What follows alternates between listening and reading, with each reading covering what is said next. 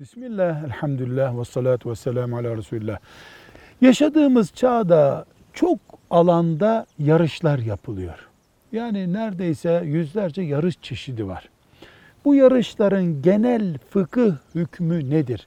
Yani yarış kelimesine Müslüman olarak nasıl bakacağız biz? Diyoruz ki konusu haram olmayan şampanya patlatma yarışı gibi mesela maazallah haram olmayan Müslümanın ibadetini ve insani vazifelerini etkilemeyen, aksattırmayan mesela anasının babasının hizmetine e, gitmiyor veya namaz kaçırıyor bu yüzden böyle olmayan.